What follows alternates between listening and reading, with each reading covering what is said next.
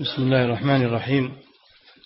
الحمد لله رب العالمين والصلاة والسلام على نبينا محمد وعلى آله وأصحابه أجمعين. أما بعد قال المؤلف أبو محمد عبد الله بن أبي زيد القيرواني رحمه الله. الحمد لله الذي ابتدأ الإنسان. الحمد لله رب العالمين. صلى الله وسلم على نبينا محمد. وعلى آله وأصحابه أجمعين. هذه مقدمة الإمام الحافظ آه، عبد الله بن عبد الرحمن بن أبي زيد القيرواني على رسالته في الفقه المالكي.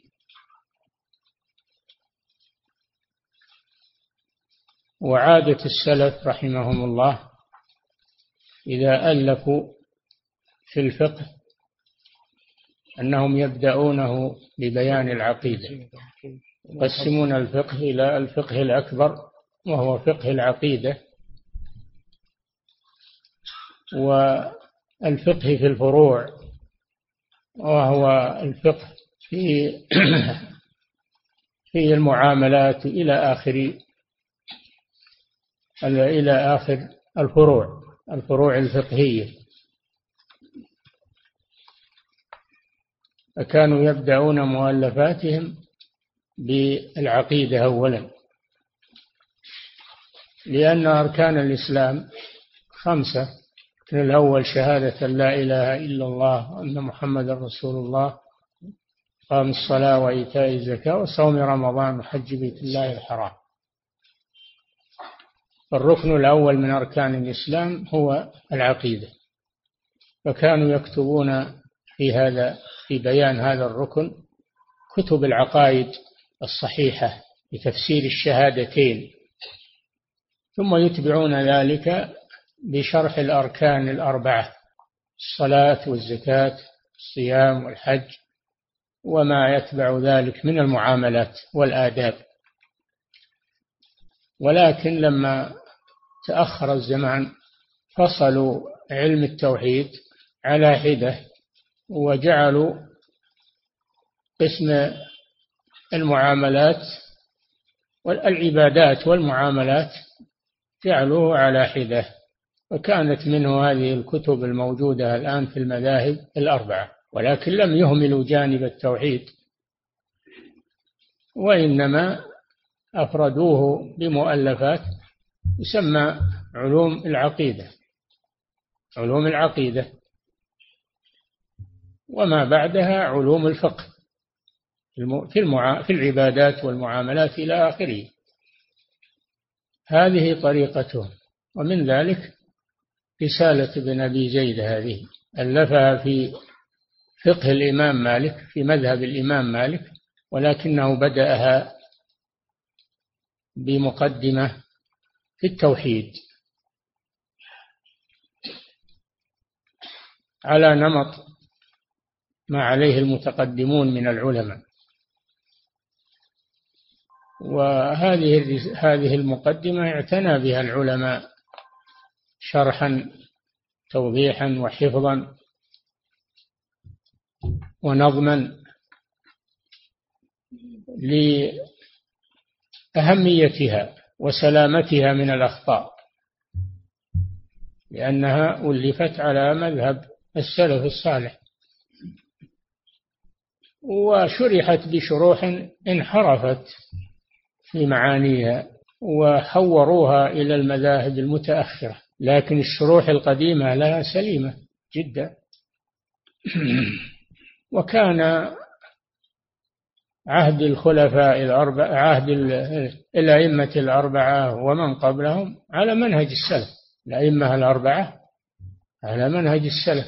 تلاميذهم أيضا الذين أخذوا عنهم على مذهب السلف في الاعتقاد وفي العبادة وفي أمور الدين. إلى أن انتهت المئة الرابعة للهجرة. حينئذ دخل الدخيل على المسلمين دخل الدخيل على المسلمين. جاءت الصوفية جاءت القبورية جاء علم الكلام والمنطق.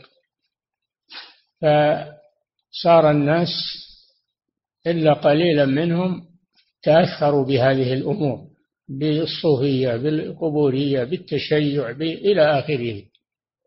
علم الكلام حتى الاستدلال تركوا الاستدلال بالكتاب والسنة ذهبوا إلى الاستدلال بعلم الكلام والمنطق ويسمونه الأدلة العقلية يسمونه البراهين العقلية وأما أدلة الكتاب والسنة يسمونها الأدلة الظنية عندهم تفيد الظن أما علم المنطق وعلم الكلام هذا يفيد اليقين ولذلك سموها بالبراهين العقلية.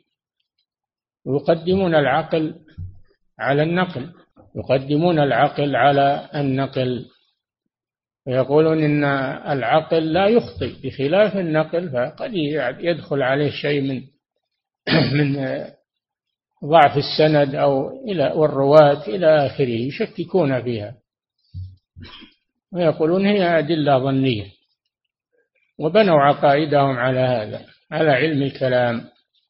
دخل هذا على أتباع المذاهب الأربعة أيضا. فتجد الشافعي مثلا شافعي في الفقه لكنه لكنه عقلي في العقيدة على خلاف مذهب الشافعي. حتى يقول قائلهم الشافعي مذهبا النقشبندي معتقدا. يصير مشكل. هو شافعي في علم الفقه لكنه في العقيدة نقشبندي صوفي. والنقشبندي هذا من مشايخ الطرق. هو صوفي. وانتشر هذا فيهم. خالفوا عقائد أئمتهم. وأخذوا عقائد المتأخرين. فصاروا مشكلين. مثل الخنث المشكل. الذي لا يدرى هل هو ذكر ولا أنثى. لا هو بحنبلي ولا هو ب... ولا هو بعصري. مشكل. هذا هذه آفة دخلت على المسلمين. بنيت المشاهد على القبور تركت المساجد وتعلقت القلوب بالمشاهد إلا من شاء الله. لما استولى الفاطميون الشيعة الباطنية شيعة باطنية الفاطميون من الشيعة الباطنية. لما استولوا على مصر على غالب البلاد الإسلامية بنوا القباب على القبور شيدوها وبنوا المساجد على القبور فتغيرت العقيدة وصار الإسلام اسما لا حقيقة إلا من رحم الله. ولكن الله قيض أئمة من المجددين قيض الله أئمة من المجددين يدعون إلى مذهب السلف ويبينون ما في مذاهب الخلف من النقص والمخالفة. منهم شيخ الإسلام ابن تيمية وابن القيم وجماعة من المحدثين معروفين. هؤلاء مجددون لأن الله يبعث لهذه الأمة على رأس كل مئة سنة من يجدد لها دينها. الحمد لله هذا من فضل الله وإحسانه لكن غلبت الانحرافات غلبت على العالم الإسلامي إلا من رحم الله عز وجل. ومن ذلك في العقيدة. العقيدة تركوا عقيدة السلف وأخذوا عقيدة الخلف المبنية على علم المنطق وعلم الجدل وعلم الكلام أخذوها وبنوا عليها عقائدهم ومؤلفاتهم التي يدرسونها ويدرسونها. فهذه المقدمة هذه من النمط الأول الذي هو على مذهب السلف لأن المؤلف متقدم في القرن الرابع. المؤلف ابن أبي زيد متقدم في العصر في في المئة الرابعة. و وكان على عقيدة السلف التي درسها على مشايخه وتبحر في مذهب الإمام مالك حتى صار مرجعا فيه. يسمى مالك الصغير. مالك الصغير يعني يشبه الإمام مالك في إتقانه للمذهب والعقيدة وهو محل ثقة الناس. ومن مؤلفاته هذه الرسالة رسالة ابن أبي زيد ومقدمتها التي معنا الآن. فالحمد لله أن الله يقيض لهذا الدين من ينصره ويدعو إليه ويبينه للناس وإن استحكمت الظلمات ودبت المذاهب المنحرفة إلى المسلمين فإن الله جل وعلا يحفظ دينه ويقيض له من يجدده ويدعو إليه ويبينه للناس. فهذه المقدمة ثمينة جدا. وسبب تأليفها مع الرسالة أن مدرسه كان فيه مدرس للقرآن يلقن الطلاب الصغار يلقنهم القرآن ويحفظهم إياه. ومنهم ابن أبي زيد هذا هذا من تلاميذ هذا المقري. فطلب منه معلمه أن يؤلف رسالة في فقه الإمام مالك تكون تكون بأيدي الطلاب الذين يدرسهم ويحفظهم إياها. فكتب هذه الرسالة استجابة لطلب معلمه. فهذه الرسالة طارت بأيدي الناس وفرحوا بها وانتشرت وصارت تدرس في المساجد تدرس للطلبة غير حفظة القرآن. وهذا ببركة تحقيق وصلاح النية. ليست العبرة بضخامة المؤلف أو كثرة المجلدات إنما العبرة بالعلم الصحيح والإخلاص لله عز وجل. ولو كان هذا مختصرا هذه الرسالة لا تعدو ورقات ومع هذا نالت هذه الشهرة العظيمة. وهي لا تعدو ورقات قليلة نظرا لما تتضمنه من التحقيق والعلم الصحيح ولسلامة نية مؤلفها وإخلاصه لله عز وجل ونصحه. وهكذا العالم المحقق يجعل الله العلم يجعل الله البركة في علمه وفي مؤلفاته. ولو كانت صغيرة ولو كانت قليلة العبرة ليست بالضخامة والكثرة العبرة بالتحقيق في المؤلف. نعم. قال أبو محمد عبد الله ابن أبي زيد القيرواني. نسبة إلى القيروان. بلدة في المغرب. القيروان بلدة في المغرب. نشأ فيها. فنسب إليها. نعم. الحمد لله. الذي ابتدأ الإنسان بنعمته.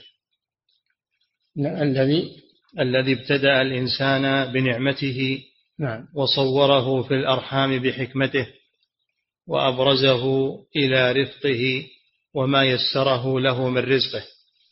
نعم افتتح هذه الرسالة هذه المقدمة افتتح هذه المقدمة بالحمد لله والثناء عليه على نعمه العظيمة. ومنها خلق الإنسان.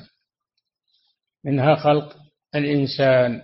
الإنسان اعتنى الله به في خلقه وتصويره لأنه هيأه لمسؤولية عظيمة بين المخلوقات وهي عبادته وحده لا شريك له. ما خلقت الجن والإنس إلا ليعبدون. خص الله هذا الإنسان بخصائص ليست في بقية المخلوقات سخر له ما في السماوات والأرض ليستعين به على عبادة الله عز وجل. الله جل وعلا خلق الإنسان علمه البيان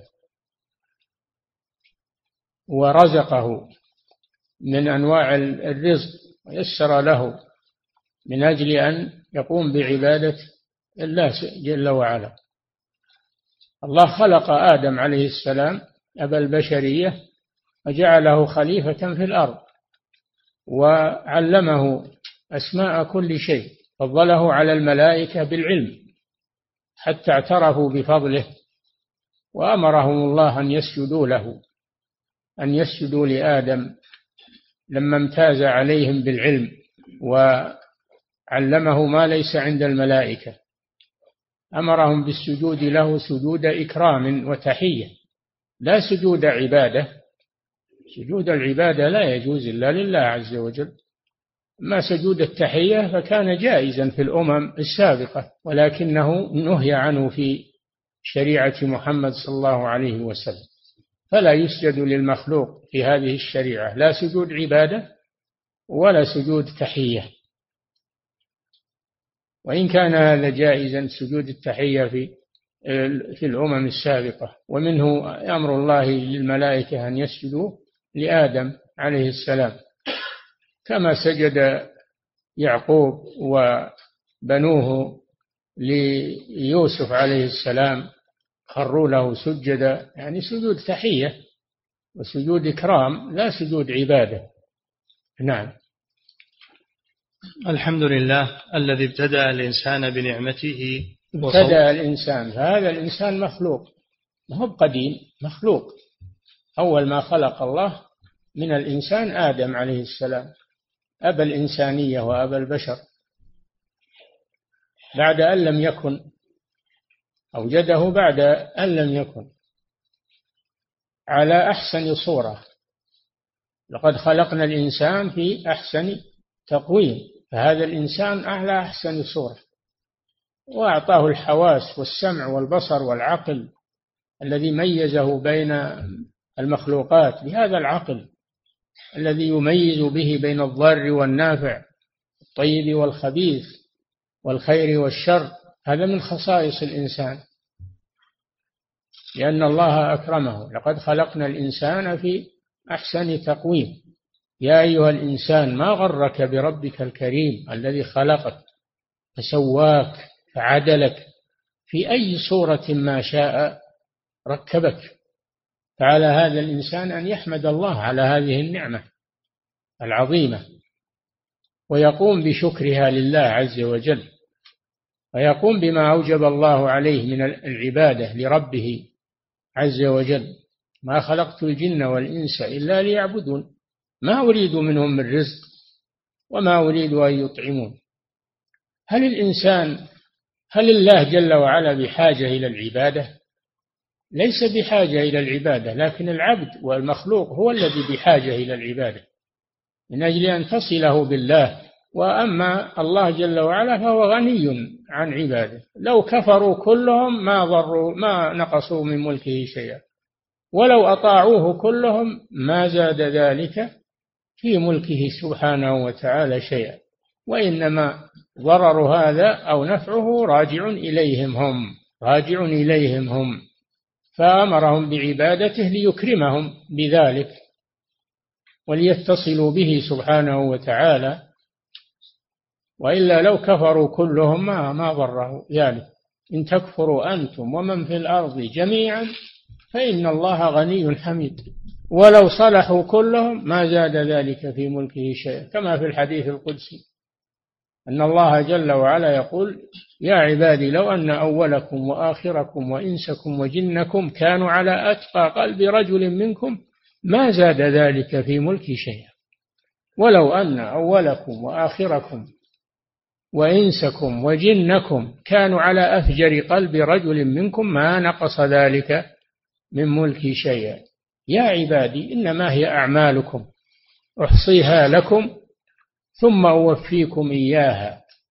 فمن وجد خيرا فليحمد الله ومن وجد شرا فلا يلومن إلا نفسه. الأمر في هذا واضح. الله خلق هذا الإنسان. من نعمه على هذا الإنسان أنه خلقه على أحسن صورة وأحسن تقويم وسخر له ما في السماوات وما في الأرض. هذا من نعم الله على هذا الإنسان. هذه المخترعات الآن هذه المراكب هذه الاتصالات هذه الأمور هذه كلها لخدمة هذا الإنسان. لا ليطغى بها ويتكبر ويتجبر ويستخدمها في في تدمير البشرية وإنما ليستعين بها على طاعة الله وعلى نفع خلق الله. هذا المقصود. نعم. الحمد لله الذي ابتدأ الإنسان بنعمته وصوره في الأرحام بحكمته. كما قال تعالى هو الذي يصوركم في الأرحام كيف يشاء. أرحام النساء. يصوركم في الأرحام. يخلقكم خلقا من بعد خلق في ظلمات ثلاث. وش الظلمات الثلاث؟ ظلمة البطن وظلمة الرحم وظلمة المشيمة التي على الطفل من الذي أوصل إليها هذا التدبير وهذا في هذه الظلمات؟ إلا الله سبحانه وتعالى. بواسطة الملك الذي يرسله الذي يرسله إلى الجنين في بطن أمه ويأمره سبحانه وتعالى بأربع كلمات بكتب رزقه وأجله وعمله وشقي أو سعيد. وهو في بطن أمه. في ظلمات ثلاث. من الذي يمده بالحياة وهو في هذه الظلمات؟ من الذي ينميه؟ من الذي يغذيه وهو في هذه هذه الظلمات؟ إلا الله سبحانه وتعالى. نعم. صوركم في الأرحام كيف يشاء. نعم. وصوره في الأرحام بحكمته وأبرزه إلى رفقه وما يسره له. أبرزه حينما يخرج من بطن أمه. إلى رفقه سبحانه ورأفته ورحمته به. نعم. وأبرزه إلى رفقه وما يسره له من رزقه. نعم. وعلم ما أريد منهم من رزق وما أريد أن يطعمون إن الله هو الرزاق بالقوة المتين. نعم. وعلمه ما لم يكن يعلم. نعم علمه ما علم الرحمن علم القرآن. علم الإنسان ما لم يعلم. وقال لنبيه صلى الله عليه وسلم وعلمك ما لم تكن تعلم. وكان فضل الله عليك عظيما. فالله هو المعلم سبحانه وتعالى. نعم. وكان فضل الله عليه عظيما. نعم. وعلمك ما لم تكن تعلم. وكان فضل الله عليك أيها الرسول عظيما. كان الرسول صلى الله عليه وسلم يشكر الله ويقول في دعائه سبحانك لا أحصي ثناء عليك. أنت كما أثنيت على نفسك. نعم. ونبهه بآثار صنعته. نبهه إلى آثار صنعته ليستدل بآياته الكونية على قدرة الله عز وجل حينما ينظر في السماوات وفي الأرض وفي النجوم والجبال والشجر. والبراري والبحار والحيوانات والدواب فإن ذلك يدله على عظيم قدرة الله سبحانه وتعالى الذي أوجد هذه المخلوقات العظيمة وهذه آيات كونية من آياته الليل والنهار والشمس والقمر. فالآيات تنقسم إلى قسمين آيات كونية وهي المخلوقات وآيات وآيات الوحي وهي القرآن الكريم. هذه آيات الوحي المنزل. نعم. وأعذر إليه على ألسنة المرسلين الخيرة من خلقه. نعم الله لم يكل هذا الإنسان إلى علمه وإلى ما أعطاه من الإدراك لم يكله إلى هذا بل أرسل إليه الرسل لتبين له كيف يعبد ربه كيف يتصرف على وفق ما شرعه الله عز وجل. فالرسل نعمة من الله عز وجل. بدون الرسل ما يستطيع الإنسان. ولو كان فيه محبة للخير وفيه لكنه عاجز. فالله جل وعلا أرسل إليه الرسل وأنزل الكتب ليبين له وهذا من رحمة الله عز وجل وعنايته بهذا الإنسان. نعم. رسلا مبشرين ومنذرين. لئلا يكون للناس على الله حجة بعد الرسل. نعم. وأعذر إليه على ألسنة المرسلين الخيرة من خلقه. فهدى فخير الخلق هم الرسل عليهم الصلاة والسلام. نعم. فهدى من وفقه بفضله. و... نعم الرسل بينت. والكتب الإلهية بينت ولكن الهداية بيد الله هداية التوفيق. الهداية على قسمين هداية الدلالة وهذه حاصلة لكل أحد أن الله دل العباد على ما فيه الخير وبينه لهم وأما هداية التوفيق فهي خاصة بالمؤمنين الذين قبلوا الحق ورغبوا فيه وعملوا به. هذه هداية التوفيق. ولهذا قال جل وعلا إنك لا تهدي من أحببت ولكن الله يهدي من يشاء وهو أعلم بالمهتدين. هذه هداية التوفيق. وأما الهداية العامة فهي حاصلة لكل أحد وأما ثمود فهديناهم. فاستحبوا العمى على الهدى. استحبوا العمى على الهدى مع أن الله هداهم وبين بين لهم. إنا هديناه السبيل. الإنسان خلق الإنسان من نطفة أمشاج نبتليه فجعلناه سميعا بصيرا. إنا هديناه السبيل دللناه على الخير والشر. هذه هداية البيان والإرشاد حاصلة لكل أحد. وإنك لتهدي إلى صراط مستقيم. الرسول يهدي أيضا يعني يبين ويدل الخلق على الخير. وأما هداية القبول فهذه من الله سبحانه إنك لا تهدي من أحببت. الله أثبت للرسول أنه يهدي ثم نفى في آية أخرى أنه لا يهدي. فما الجمع بين الآيتين؟ تقول الآية الأولى هداية الدلالة والإرشاد والهداية الثانية دلالة التوفيق والقبول. هذه من الله سبحانه وتعالى. إن تقرأ اهدنا الصراط المستقيم. أليس الله قد هداك وبين لك؟ بلى لكن تسأله هداية التوفيق والقبول. هذا المطلوب. نعم. فهدى من وفقه بفضله وأضل من خذله بعدله. نعم الذي يقبل الحق ويرغب فيه الله يوفقه والذي يعرض عن الحق ولا يقبله الله يضله سبحانه بعدله. فهو يهدي من يشاء بفضله يوفقه بفضله ويضل من يشاء بعدله الذي لا يقبل الحق يحرمه الله عز وجل وهذا عدل من الله ليس ظلما لأنه هو الذي لم يقبل الحق ولا يريد الحق يتكبر على الحق. فالله جل وعلا لا يهديه هداية التوفيق جزاء وعقوبة له جزاء وعقوبة له. وما ظلمه الله سبحانه وتعالى. نعم. لما زاغوا أزاغ الله قلوبهم ونقلب أفئدتهم وأبصارهم كما لم يؤمنوا به أول مرة. الإنسان إذا لم يقبل الحق ابتلاه الله بالباطل. إذا لم يقبل الهدى ابتلاه الله بالضلال. والسبب هو الإنسان. نعم. ويسر المؤمنين لليسرى. نعم. وشرح لليسرى. ييسرك لليسرى. وفي الحديث آه، وفي الآيات قوله تعالى فأما من أعطى واتقى صدق بالحسنى فسنيسره لليسرى. شوف السبب من عند العبد أعطى واتقى وصدق بالحسنى. هذا السبب من العبد. فسنيسره لليسرى هذا من الله. هذه هداية التوفيق من الله سبحانه وتعالى.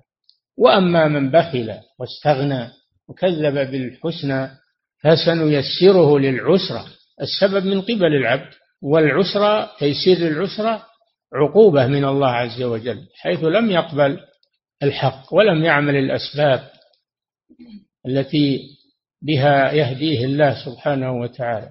فسنيسره للعسرة. وفي الحديث اعملوا وكل ميسر لما خلق له. نعم. ويسر المؤمنين لليسرى وشرح صدورهم للذكرى. نعم. إذا أراد الله للعبد هداية القبول والتوفيق شرح الله صدره للدعوة إلى الله عز وجل. تقبل الدعوة إلى الله كما قال سبحانه وتعالى فمن يرد الله أن يهديه يشرح صدره للإسلام. يشرح صدره للإسلام يتقبل ويرغب الحق. يشرح الله يوسع الله صدره للإسلام. ومن يريد أن يضله هذه إرادة كونية. ومن يريد أن يضله يجعل صدره ضيقا. ما يقبل شيء ولا يحب الخير ولا يحب ينفر من الخير وينفر من أهل الخير. ومن يرد أن يضله يجعل صدره ضيقا حرجا. كان أو في قراءة حرجا. كأنما يصعد في السماء من ضيق الصدر والعياذ بالله. يضيقون من إذا يضيقون من من الحق من الدعوة إلى الله يضيقون من من قراءة القرآن من الموعظة من التذكير يضيقون من ذلك ينحشرون ينحشرون من ذلك. لأن الله ضيق صدورهم بسبب آه، عقوبته لهم وحرمانه لهم من الهداية. لأنهم لم يرغبوا في الحق. نعم. وشرح صدورهم للذكرى فآمنوا بالله بألسنتهم ناطقين وبقلوبهم مخلصين وبما أتتهم به رسله وكتبه عاملين. هذه نتيجة هداية التوفيق أنهم نطقوا بألسنتهم بقبول الحق واعتقدوا بقلوبهم ما يكفي النطق باللسان بل لا بد مع النطق باللسان من اعتقاد القلب. وأما نطق اللسان بدون اعتقاد القلب هذه طريقة المنافقين. أما المؤمن فهو يقبل الحق بلسانه وبقلبه. نعم. فآمنوا بالله بألسنتهم ناطقين وبقلوبهم يقولون آمنا بالله. يتكلمون يقولون آمنا بالله. ينطقون بهذا. نعم. وبقلوبهم مخلصين. نعم. وأما من يقول آمنا بالله بلسانه ولا يؤمن بقلبه هذا المنافق. ومن الناس من يقول آمنا بالله وباليوم الآخر وما هم بمؤمنين. خادعون الله والذين آمنوا وما يخدعون إلا أنفسهم وما يشعرون. نعم. وبما أتتهم به رسله وكتبه عاملين. نعم. إيه لا بد من هذه الأمور الثلاثة. النطق باللسان قبول الحق والإيمان الإخلاص في القلب لا يكون رياء ولا سمعة ولا ولا مصانعة ولا نفاق. العمل أيضا لا بد من العمل. تنطق بلسانك وتصدق بقلبك وتعمل بجوارحك. هذا هو الإيمان كما يأتي. نعم. وتعلموا ما علمهم ووقفوا. تعلموا ما علمهم. نعم لا بد من التعلم لا بد من التعلم. تعلم علم الكتاب, الكتاب والسنة وتعلم العلم النافع. أما من أعرض عن العلم فإنه يحرم من الهداية. من أسباب الهداية تعلم العلم النافع والإقبال عليه الذي جاء به رسول الله صلى الله عليه وسلم. هذا من أسباب الهداية. أما المعرض فإنه يحرم. والذين كفروا عما أنذروا معرضون. الإعراض والعياذ بالله عن الحق وعدم الإصغاء إليه وعدم قبوله هذا يسبب الضلال والانحراف. نعم. وتعلموا ما علمهم ووقفوا عندما حد لهم. نعم. يقفون عند حدود الله ما يتعدونها. فيقفون عند حدود العلم. ما ما علموه قالوا به وما لم يعلموه توقفوا عنه. ولا تقف ما ليس لك به علم. لا تقف ما ليس لك به علم. لا تتخرص. لا تقل على الله ما لا تعلم. قف عند حدك. فما علمته من العلم النافع تكلم به. وما لم تعلمه وأفتي به. وما لم تعلمه توقف عنه حتى تتعلمه. نعم هذه طريقة أهل الإيمان. نعم.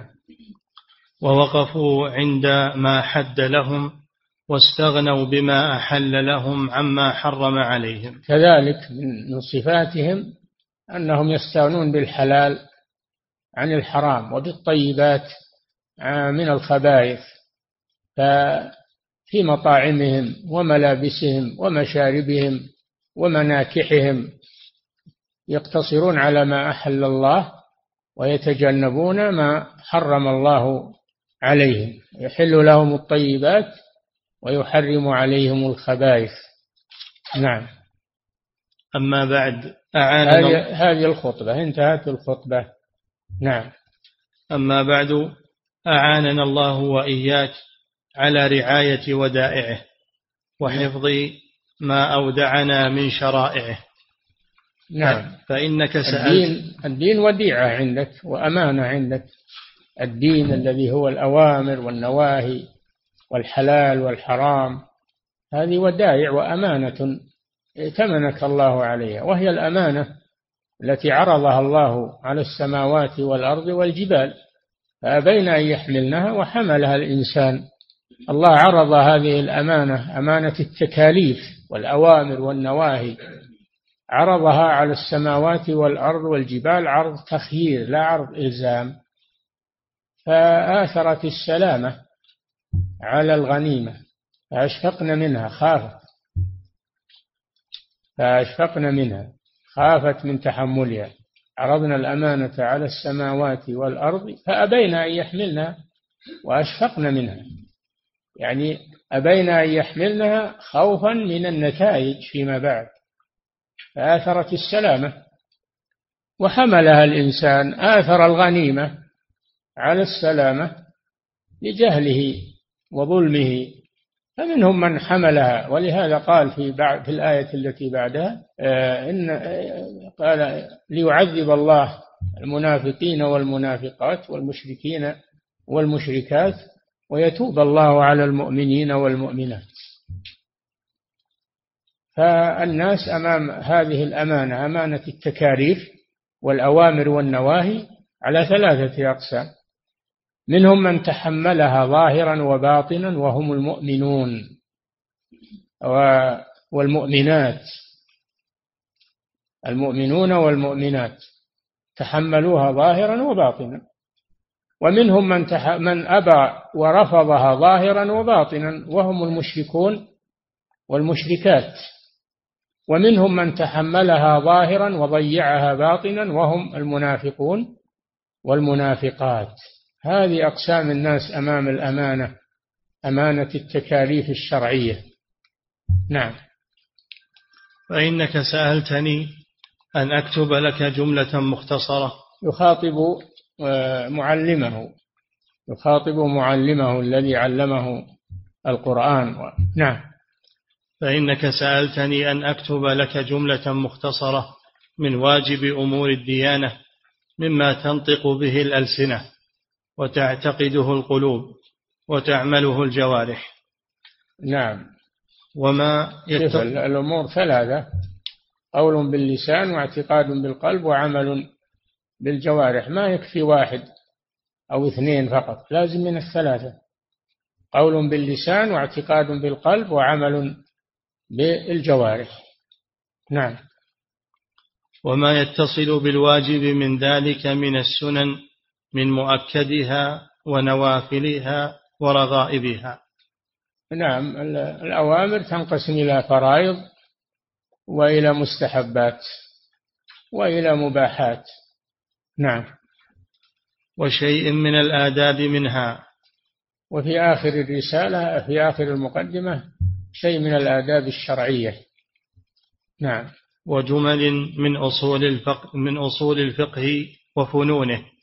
نعم. أصول الفقه مراد به القواعد قواعد الاستنباط من الأدلة. قواعد الاستنباط من الأدلة.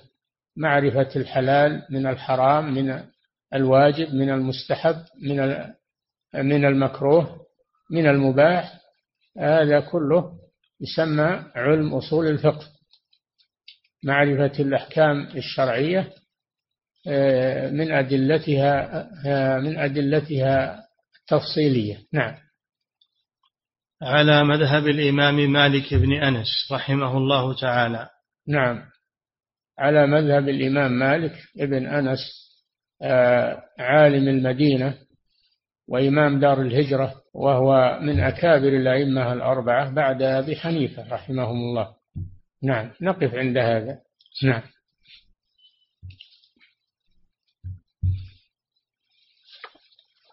وليس هو خاص هذا خاص بمذهب الإمام مالك ما هو كل الأئمة الأربعة على هذا. نعم.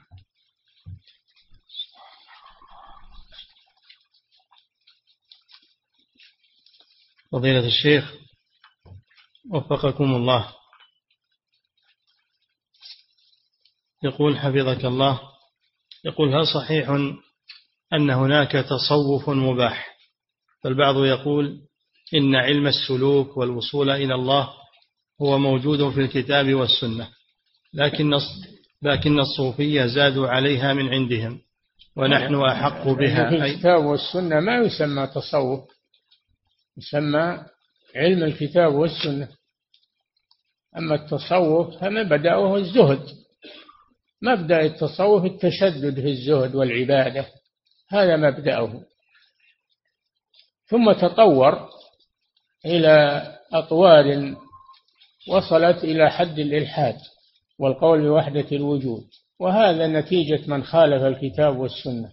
ولو كان في بدايته يقصد الخير الواجب الاقتصار على الكتاب والسنة ففيهما الكفاية. والعبادة تكون بموافقة الكتاب والسنة. تكون والورع يكون بموافقة الكتاب والسنة. نعم. فضيلة الشيخ وفقكم الله. يقول ذكرتم حفظكم الله بأن كل ما خلق الله فإنه خدمة للإنسان. سخر لكم سخر لكم. والذي خلق لكم ما في السماوات وما في الأرض. فالله نعم سخره للإنسان. وش, وش هنا في, في هذا الكون؟ ما هو لخدمة الإنسان. نعم. ثم يقول حفظك الله يقول فهل يجوز بناء على هذا استخدام الجن المسلم من أجل إبطال السحر؟ هذا ما يجوز. الاستعانة بالجن والغائبين والأموات ما يجوز. الاستعانة بالمخلوق الحي الحاضر القادر على إعانتك لا بأس. أما أن تستعين بميت تستعين بغايب ما هو عندك جني أو ملك أو أي شيء. تستعين بمن لا يقدر على ما تريد كل هذا لا يجوز. نعم. فضيلة الشيخ وفقكم الله. يقول ما البلدان المعاصرة؟ ما البلدان المعاصرة التي على مذهب المالكية؟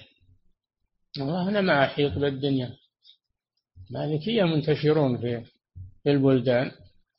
نعم. فضيلة الشيخ وفقكم الله يقول هل صحيح أن القيرواني رحمه الله ألف هذه الرسالة وهو صغير؟ نعم نعم ألفها وهو صغير. في الكتاب على على معلمه. لكن لما تفرس فيه النجابة والذكاء طلب منه أن يؤلف هذه الرسالة. نعم. فضيلة الشيخ وفقكم لم, لم يبلغ العشرين يوم يؤلفها وهو لم يبلغ العشرين من السن. هذه نتيجة التربية على على الخير والتعليم الصحيح. تنتج مثل هذا. نعم. فضيلة الشيخ وفقكم الله يقول هل تنصحون حفظكم الله بحفظ هذه الرسالة. نعم نوصي بحفظ المختصرات الجيدة كلها. كل المختصرات الجيدة في العقيدة من يحفظها ففيها خير. نعم. لكن ما يكفي الحفظ لازم تقرأها على المشايخ يشرحونها لك. نعم. فضيلة الشيخ وفقكم الله يقول السائل تكلم بعض المالكية المتأخرين عن هذه المقدمة وقالوا إن الوهابية حرفوا فيها. لا هم هم اللي حرفوا فيها. الوهابية ما حرفوا فيها. اللي حرفوا فيها هم أتباع مذهب مالك المتأخرين. فسروها على ما يوافق أهواءهم. أما شروحها القديمة فهي جيدة. أما شروحها المتأخرة ففيها تحريف كثير. يريدونها أن تتمشى مع مذهبهم وعقيدتهم. نعم. فضيلة الشيخ وفقكم الله. بقوله سبحانه وتعالى فلا تضربوا لله الأمثال.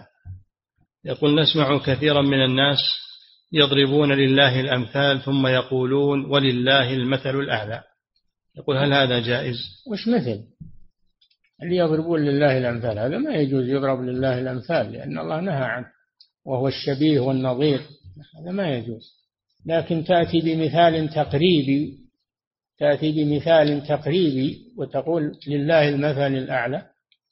الله جل وعلا ضرب لهذا مثل تقريبي في قوله تعالى لما قال المشركون في تلبيتهم لبيك لا شريك لك إلا شريكا هو لك تملكه وما ملك الله ضرب لهم مثلا.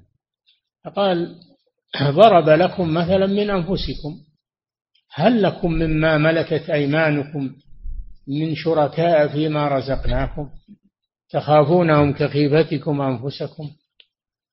كذلك نفصل الآيات قوم يعقلون.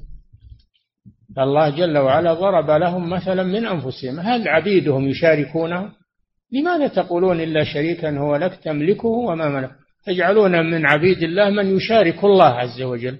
وأنتم لا ترضون هذا لأنفسكم أن يشارككم مماليككم وعبيدكم في أموالكم. نعم.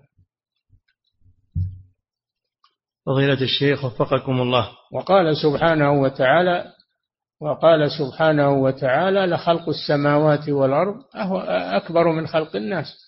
هذا في في مثال العقول وإلا فالله لا يعجزه شيء سبحانه وتعالى. نعم. فضيلة الشيخ وفقكم الله. يقول هذه المسألة وهي هل الإنسان ميسر أو مخير؟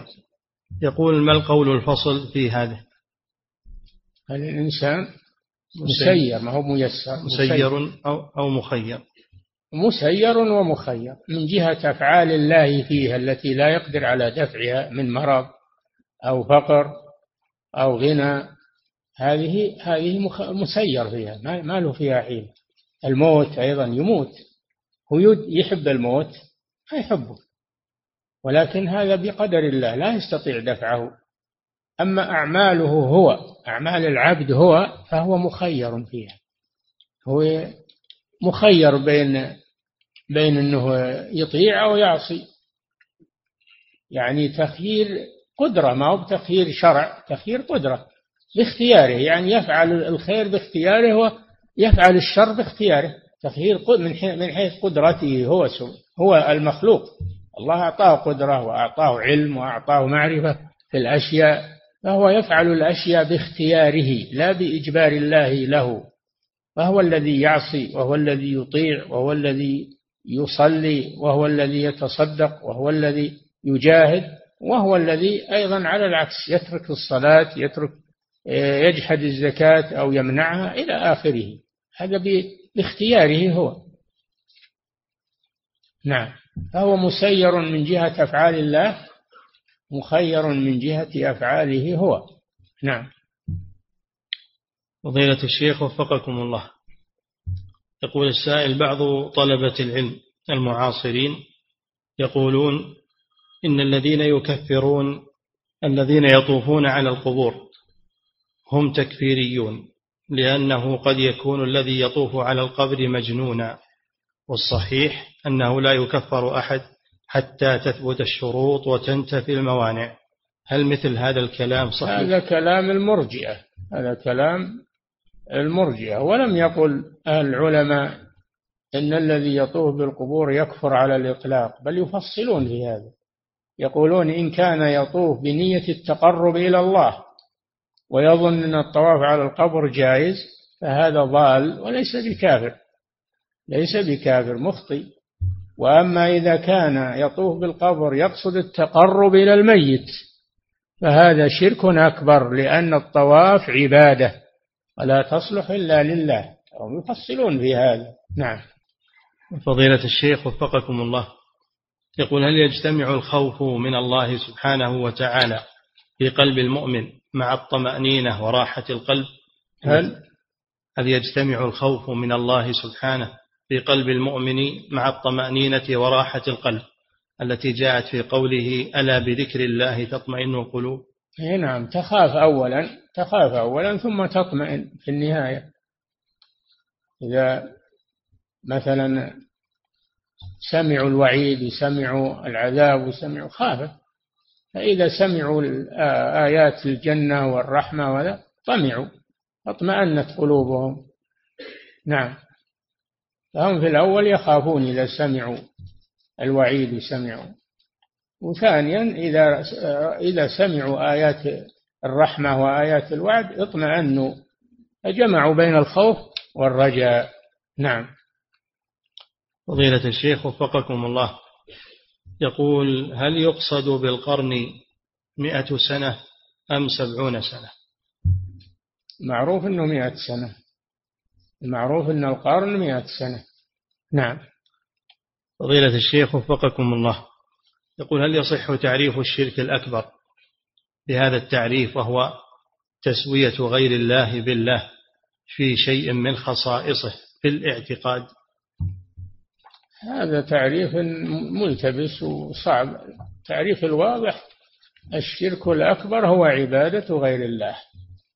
الشرك هو عبادة غير الله بأي نوع من أنواع العبادة. هذا هو السهل الواضح. المبني على الأدلة. نعم.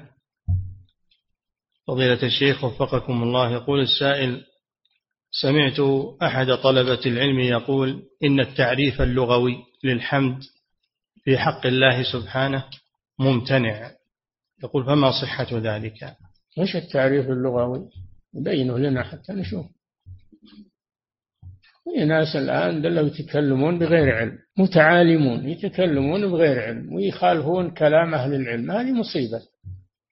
هو يجيب لنا وش معنى هذا؟ نعم. فضيلة الشيخ وفقكم الله يقول ما يأتي به الدجال من إنزال المطر وغيره؟ هل هو من السحر التخييلي هذا أقدره الله عليه لأجل الفتنة. أقدره الله عليه لأجل الفتنة. فتنته عظيمة وهذا من تقدير الله عز وجل. الله أقدره على هذا. نعم. لأجل أن يفتن الناس. نعم. ولذلك إذا شاء الله منعه. ما سمعتم قصة الذي يخرج إليه من المدينة ويقول له يعلن بتكذيبه وأنه الدجال الكذاب فيقتله ويقسمه نصفين ويمشي بين القطعتين ثم يقول له قم فيقوم ثم يقول تؤمن بي فيقول لا أنت المسيح الدجال الكذاب ثم يقتله ويقسمه قسمين يمشي بين قطع ثم يقول له قم فيقوم حيا. في المرة الثالثة لا يقدر على قتله. يمسكه الله عز وجل وينجو هذا العبد المؤمن ويخسأ الدجال. فهذا كله بتقدير الله لأجل فتنة الناس وامتحانهم. من يثبت على الإيمان ومن لا يثبت. نعم. فضيلة الشيخ وفقكم الله. يقول السائل امرأة حامل أمرها الطبيب بالإفطار في شهر رمضان. يقول فما الواجب عليها؟ هل هو القضاء فقط؟ إذا أفطرت خوفا على نفسها فإنها تقضي فقط.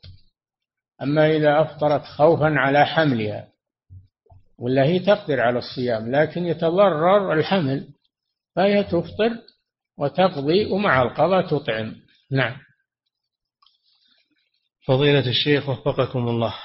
يقول ما حكم من يقول يحرم علي الأكل من هذه الذبيحة إذا جئت عندكم؟ يقول وهذا الكلام يكثر عندنا في البادية. هذا تحريم الحلال. يجري مجرى اليمين. لا تحرموا طيبات ما أحل الله لكم ولا تعتدوا. إن الله لا يحب المعتدين. وكلوا مما رزقكم الله حلالا طيبا. واتقوا الله الذي أنتم به مؤمنون لا يؤاخذكم الله باللغو في أيمانكم. يسماها يمينا. النبي صلى الله عليه وسلم لما حرم لما حرم ماريا القبطية أو حرم العسل على نفسه قال الله جل وعلا يا أيها النبي لم تحرم ما أحل الله لك؟ تبتغي مرضاة أزواجك. الله غفور رحيم. ثم قال قد فرض الله لكم تحلة أيمانكم. يشير إلى آية الماء أي إلى آية المائدة. كفارة إطعام عشرة مساكين من أوسط ما تطعمون أهليكم أو كسوتهم أو تحرير رقبة فمن لم يجد فصيام ثلاثة أيام ذلك كفارة أيمانكم إذا حلفتم. فالله جعل تحريم الحلال يمينا مكفرة. كفر كفارة يمين ويأكل من مما حرمه على نفسه. الحرام الحلال لا يتحول إلى حرام أبدا كما أن الحرام لا يتحول إلى حلال إلا عند الضرورة إذا خاف على نفسه يأكل من الحرام ما يبقي عليه حياته. نعم. فضيلة الشيخ وفقكم الله. يقول السائل ما موقف المسلم عموما سواء كان عالما أو طالب علم أو غيره؟ من دعاة الاختلاط والتغريب. ما موقف المسلم عموما سواء كان عالما أو طالب علم أو غيرهما من دعاة الاختلاط والتغريب. موقفه كما جاء في الحديث من رأى منكم منكرا فليغيره بيده فإن لم يستطع فبلسانه فإن لم يستطع فبقلبه. وذلك أضعف الإيمان. فلا بد أن يكون منكرا للمنكر ولو بقلبه. أما من لا ينكر المنكر لا بيده ولا بلسانه ولا بقلبه فهذا ليس بمؤمن. لهذا قال صلى الله عليه وسلم وليس وراء ذلك من الإيمان حبة خردل نعم. فهو ينكر بحسب استطاعته. إن كان يقدر على منعهم عنده سلطة يقدر على منعهم يمنعهم مثل ولاة الأمور. إن كان لا يقدر على منعهم ينكر عليهم باللسان والبيان والكتابة والرد عليهم. إذا كان لا يستطيع فإنه ينكر المنكر يكره ما يقولون بقلبه. وذلك أضعف الإيمان. نعم. فضيلة الشيخ وفقكم الله. يقول كيف التوجيه والرد على من يقول إن هناك امرأة لا تنجب منذ زمن طويل ثم ذهبت إلى قبر وذبحت لذلك القبر فأصبحت مباشرة بعد شهر حاملا. يقول إيه، كيف؟ هذا, هذا من من الابتلاء والامتحان والاستدراج. نعم قد يحصل هذا. ومر بكم أن قضاء الحاجة لا يدل على الإباحة.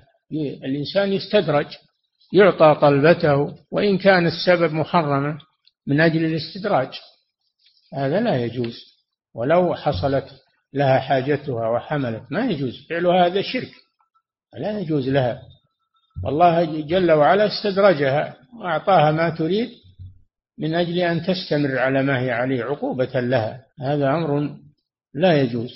هذا من ناحية. الناحية الثانية أن كونها حملت ما هم من أجل الذهاب للقبر؟ من أجل أن الله قدر لها. صادف قضى وقدر. صادف هذا قضاء وقدرا. لا من أجل ذهابها إلى القبر وإنما هو بقضاء الله وقدره. الأمر الرابع وهو أشد أو الثالث وهو أشد قد يكون عند القبور من السدنة من هو مستعد لعمل الفاحشة بالمرأة ثم تحمل. هم يقولون هذا بسبب القبر بسبب الولي. وهو يجامعها الخبيث السادن يجامع النساء ويستعد لهذا. يستغلون هذه الأمور السدنة أو بعض السدنة. نعم. فضيلة الشيخ وفقكم الله يقول في صلاة الجنائز يصلي بعض الناس في الساحة الخارجية للمسجد. في صلاة الجنائز يصلي بعض الناس في الساحة الخارجية للمسجد علما بأن المسجد واسع وفيه مجال في الداخل. يقول ما صحة صلاة أولئك؟ لازم تتصل الصفوف ما يصير بينها فضاء واسع. إذا لم تتصل فصلاتهم غير صحيحة. لازم تتصل الصفوف يضيق المسجد يصلون من خارج لا بأس. المسجد فيه فسحة وفي مكان لا. ما يصلون إلا مع الصفوف. نعم. فضيلة الشيخ وفقكم الله. يقول السائل ورد في الحديث أن من شرب أو من شرب خمر الدنيا فإنه لن يشربها في الآخرة. نعم. يقول من شربها ثم تاب من ذلك. فهل يكون داخل في هذا الوعيد؟ إذا تاب تاب الله عليه. إذا تاب الله عليه شرب من خمر الجنة. هذا بالذي لم يتب. لأن شارب الخمر لا يكفر. قد يدخل الجنة يعذب بمعصيته ثم يدخل الجنة. فإذا دخلها لا يشرب. من خمر الجنة عقوبة له. نعم. فضيلة الشيخ وفقكم الله رجل طلق زوجته طلاقا بائنا وهي حامل. نعم. وقد, وقد أخذ صكا من القاضي بهذا الطلاق البائن. سؤاله هل له أن يترك هذه المطلقة في بيته حتى تضع حملها؟ وإن كان كذلك فكيف يتعامل معها داخل بيته؟ إذا كان في بيته أسرة تبقى معهم وتحتجب منه ولا يخلو بها فلا مانع. أما إذا كان ما في بيته إلا هي فلا يجوز. نعم لأن هذه خلوة. نعم. فضيلة الشيخ وفقكم الله. امرأة حلفت إن تزوج زوج أختها على زوجته الثانية. أن حلفت؟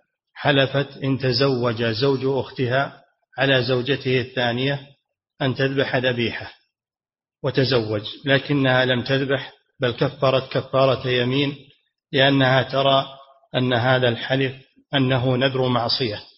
يقول ما الواجب عليها؟ هل هو الوفاء بهذا النذر أم تكفي الكفارة؟ تكفي الكفارة هذا لا كفارة لأنها لا تقصد التقرب إلى الله بهذا الذنب.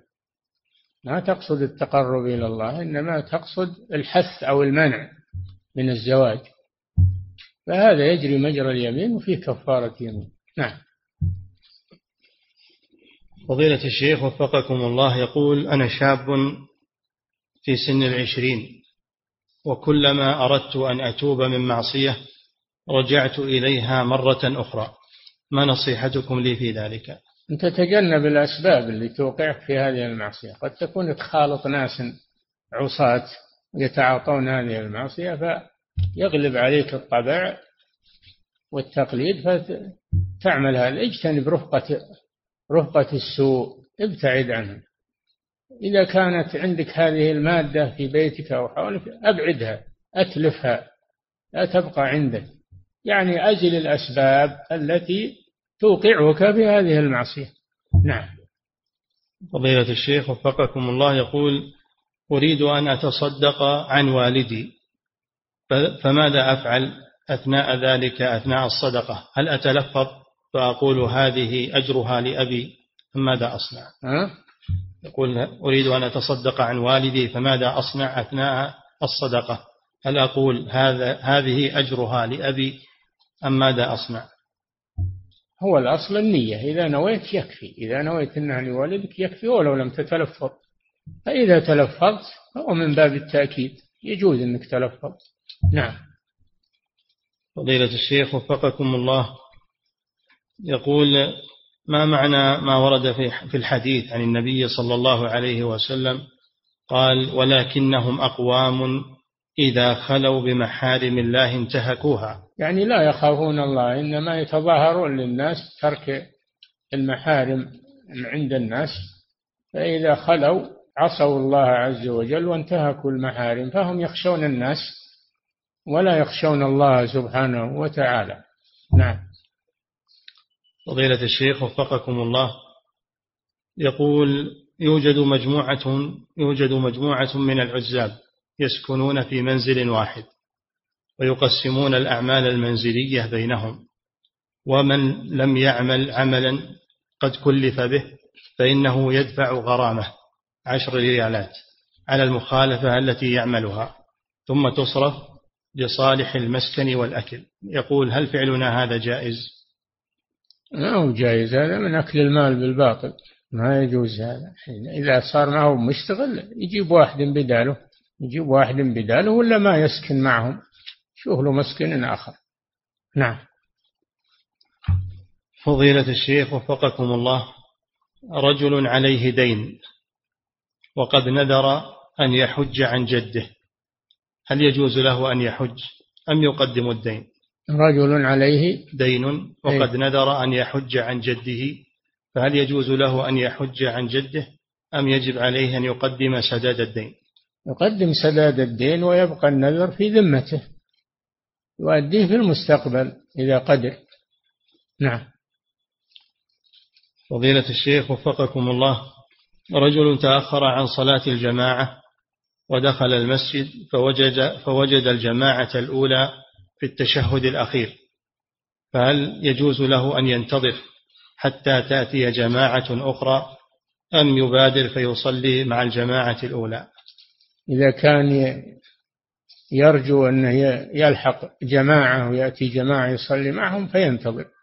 أما إذا كان ما ما يدري يجي أحد أو ما يجي أحد فإنه يدخل مع الإمام فيما بقي من الصلاة يحصل على الأجر.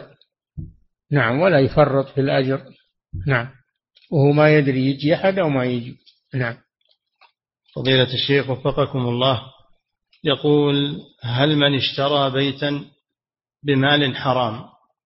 ثم تاب إلى الله بعد خمس سنوات والتزم بالسنة وما زال يسكن في هذا البيت. يقول هل يمكن له أن يمكث فيه أم لا بد أن يتخلص منه؟ تصدق بقدر المال الحرام تصدق به تخلص من المال الحرام. ويسكن في البيت. إذا تصدق بالمال الذي شرى به البيت طلع ما يقابله تصدق به يصبح البيت جائزا له. نعم. فضيلة, فضيلة الشيخ وفقكم الله يقول من يجوز طلب الاستغفار من الرسول صلى الله عليه وسلم بعد موته؟ ويقول إنه لا بأس أن تطلب أن يستغفر لك. يقول ما حكم مثل هذا القول؟ هذا كلام مبتدع ولا يجوز. الميت ما يطلب منه شيء لا الرسول ولا غيره. الميت لا يطلب منه شيء. ما كان الصحابة على محبتهم للخير والاقتداء ما كانوا يأتون إلى قبر النبي صلى الله عليه وسلم يطلبون منه الاستغفار. ما كان أحد من السلف الصالح يفعل هذا. فكيف نقول يجوز هذا؟ نعم. فضيلة الشيخ وفقكم الله يقول ما ورد من قول الرسول صلى الله عليه وسلم إن الله جميل يحب الجمال. يقول هل يؤخذ من هذا اسم لله سبحانه وتعالى وهل يجوز التعبيد به؟ لا هذا ما هو من باب الاسم هذا من باب الإخبار. أخبر النبي صلى الله عليه وسلم أن الله جميل يحب الجمال.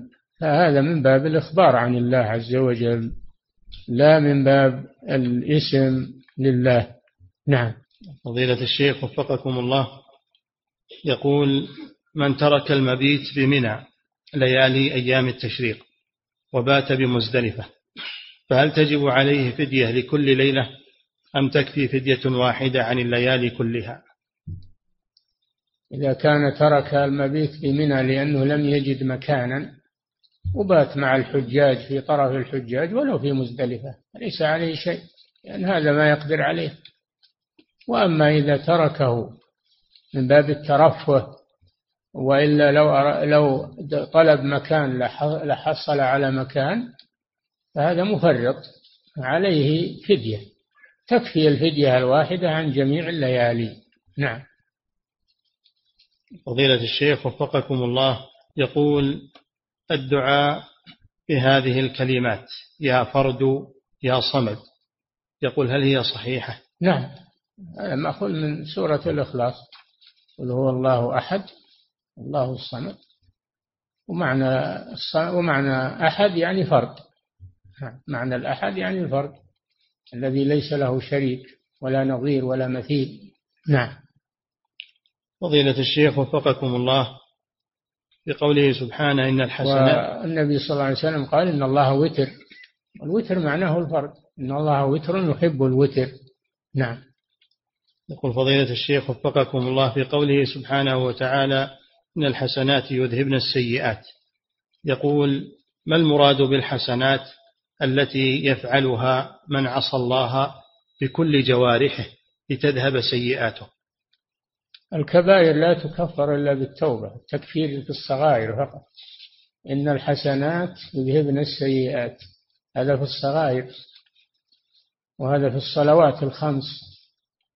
لأن رجلا جاء إلى النبي صلى الله عليه وسلم. يعني سبب نزول الآية أن رجلا جاء إلى النبي صلى الله عليه وسلم وأخبره أنه فعل مع امرأة لا تحل له كل شيء إلا الجماع. فهل له من توبة؟ النبي صلى الله عليه وسلم سكت عنه حتى نزلت عليه هذه الآية. وأقم الصلاة طرفي النهار وزلفا من الليل إن الحسنات يذهبن السيئات يعني الصغائر. ذلك ذكرى للذاكرين. قال الرجل هذه لي خاصة يا رسول الله أو للناس عامة؟ قال بل للناس عامة. فالصلوات الخمس يكفر الله بها الذنوب الصغائر. كما في الحديث الصلوات الخمس والجمعة إلى الجمعة ورمضان. إلى رمضان كفارة لما بينهن إذا اجتنبت الكبائر. دل على أن التكفير للذنوب الصغائر فقط. أما الكبائر فلا تكفر إلا بالتوبة. نعم. فضيلة الشيخ وفقكم الله يقول هل يجوز للإمام الذي يصلي بالناس أن يقرأ بهم بقراءة ملك يوم الدين؟